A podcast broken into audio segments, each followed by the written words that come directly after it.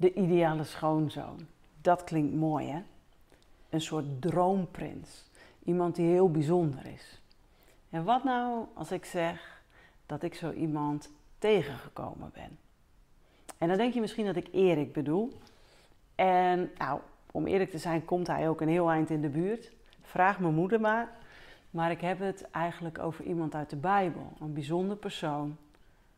Die bijzondere dingen doet die op een bepaalde manier ook weer heel gewoon zijn. Zullen we naar het Bijbelboek Rut? Het is echt een pareltje, een heel mooi geschreven verhaal. Storytelling van de bovenste plank. Een paar jaar geleden mocht ik uh, spreken over Rut 1. Daarin begint het verhaal. Het gaat over de keuzes die we maken op de kruispunt in ons leven. En wat me opviel is dat er een gezin Bethlehem verlaat en uiteindelijk diep terechtkomt in verlies groot verlies. De man overlijdt, de zoons overlijden. Er worden geen kinderen geboren. En uiteindelijk is alleen de verbitterde schoonmoeder Naomi en haar Moabitische schoondochter Rut, zijn die nog over, zijn die nog samen. Ze besluiten samen naar Israël te gaan, naar Bethlehem. En dat was best een grote stap voor Rut, want als Moabitische was ze daar eigenlijk niet gewenst. Maar zelfs haar schoonmoeder, die negatief spreekt over de God van Israël, kan haar er niet van weerhouden om mee te gaan naar Bethlehem. En daar komen ze dan aan, helemaal berooid. Ze hadden niks, maar ze moesten wel eten. Dus Rut besluit om aren te lezen op het veld. Dat mocht. De God van Israël had het zo bedacht dat wanneer mensen gingen oogsten, dan gingen ze oogsten, maar ze mochten niet teruggaan om alles nog weer verder op te rapen wat er nog was blijven liggen. Dat moesten ze laten liggen voor de vreemdelingen, de weduwen, weduwen en de wezen. Zodat arme mensen ook te eten konden hebben. Dus daar is Rut druk mee bezig op het moment dat Boas ten tonele komt. Boas, dat is de man waar we naar willen kijken. En het eerste wat we hem zien doen, is dat hij zijn werknemers hartelijk groet. En hij zegent ze in de naam van God. En zijn werknemers groeten hem ook hartelijk terug. Gods nabijheid, ook voor u. En uh, het lijkt gewoon een hele goede verstandhouding onderling. Dat ze elkaar groeten met de naam van God en zijn nabijheid en zegen was niet vanzelfsprekend. Ze hadden een aantal moeilijke jaren achter de rug met zware hongersnood. En daar waar Elimelech en zijn gezin Bethlehem hadden verlaten, was Boas gebleven. Boas is de man die bleef in Bethlehem. En geloof had zijn hart nooit verlaten. Het vertrouwen op God was gebleven. En we zullen zo zien dat hij ook handelt vanuit de liefde van God voor anderen. Hij gaat bij zijn voorman staan en ze praten zo even over hoe het gaat. En dan ziet hij iemand die hij niet kent. En hij vraagt: Wie is dat?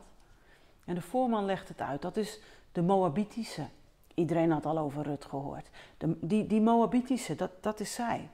Maar ze heeft heel netjes en beleefd gevraagd of ze hier mocht komen om Aren te lezen. Ze heeft haar recht niet opgeëist. Ze heeft netjes contact gemaakt. En uh, ja, ze werkt al de hele dag heel hard. Ze neemt nauwelijks pauzes. En Boas hoort dat zo aan. Nou, daar is je antwoord, Boas. Maar hij hoort het niet alleen aan, hij komt ook in actie. Hij loopt naar Rut toe. En hij begint een gesprek met haar. Hij spreekt haar aan. En dit is wat hij zegt. Luister goed, mijn dochter. Je moet niet naar een andere akker gaan om daar aren te lezen. Ga niet weg, blijf hier. Dicht bij de vrouwen die voor mij werken. Volg ze op de voet en houd je ogen gericht op het veld waar gemaaid wordt.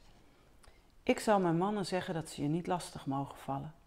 En als je dorst hebt, ga dan maar naar die kruiken daar en drink van het water wat ze daar scheppen.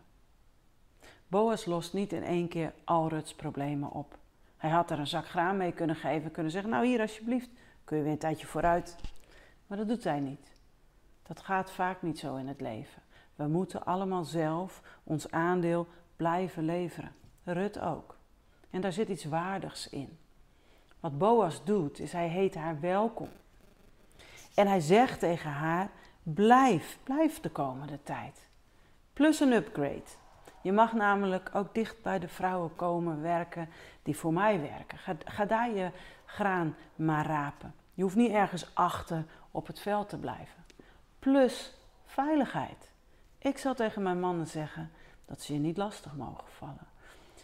Boas begrijpt dat Rut een kwetsbare vrouw was, in een kwetsbare positie. En hij wil niet hebben dat op zijn veld kwetsbare mensen worden lastiggevallen, vernederd of zelfs misbruikt.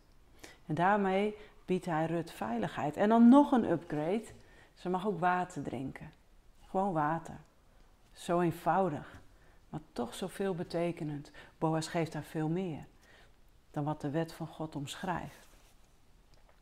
En dan buigt Rut diep voorover en ze zegt: Waaraan heb ik het verdiend dat u zo goed voor mij bent terwijl ik een vreemdeling ben? En zo eens kijken wat Boas dan zegt. Boas zegt: Meer dan eens is mij verteld over alles wat jij voor je schoonmoeder hebt gedaan na de dood van je man. Dat je je vader en moeder en je geboorteland hebt verlaten en naar een volk bent gegaan dat je volkomen onbekend was. Mogen de Heer je daarvoor rijkelijk belonen. De Heer, de God van Israël, onder wiens vleugels je een toevlucht hebt gezocht. Waarom kwam Boas in actie? Waarom geeft hij haar meer dan waar ze recht op had? Omdat hij haar geloof ziet, omdat hij haar hart ziet. En als je goed luistert en goed kijkt, ook in de oudere vertalingen valt het iets meer op. Dan gebruikt hij de omschrijving die ook voor Abraham en zijn geloof gebruikt wordt.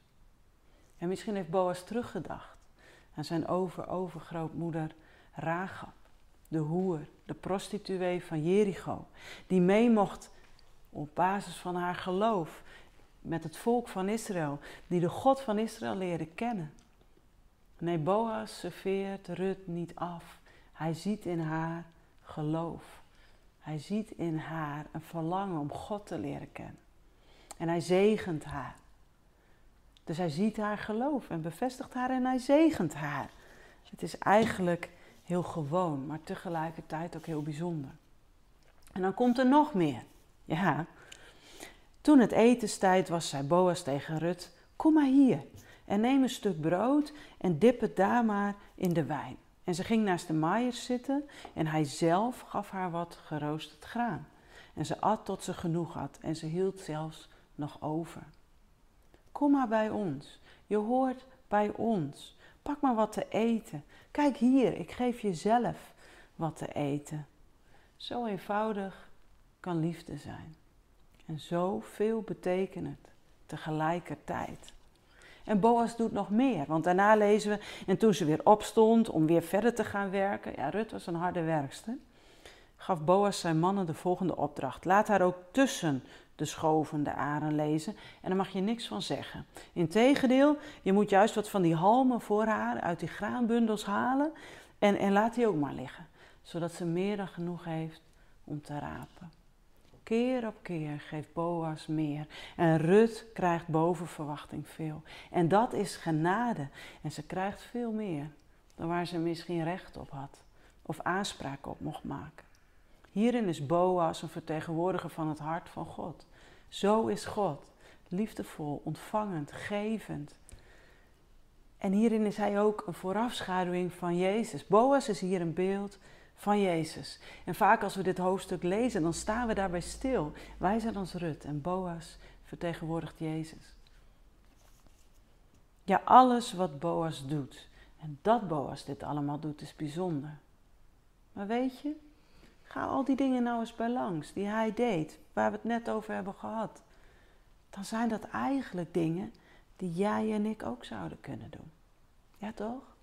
Iemand welkom heten, ehm, uitnodigen, water aanbieden, veiligheid creëren, gezelligheid met iemand delen, iemand zegenen, iemands geloof erkennen, iemand echt zien. Wat nou als wij meer zouden mogen zijn, ook als kerk, als gemeente, als Boas, voor de mensen die op zoek zijn naar God.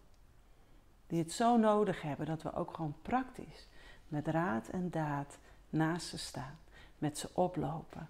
Hartelijk, vriendelijk, verwelkomend en zoiets van Gods liefde laten zien. Dan is het ergens zo eenvoudig en tegelijkertijd zo heel veel betekenend.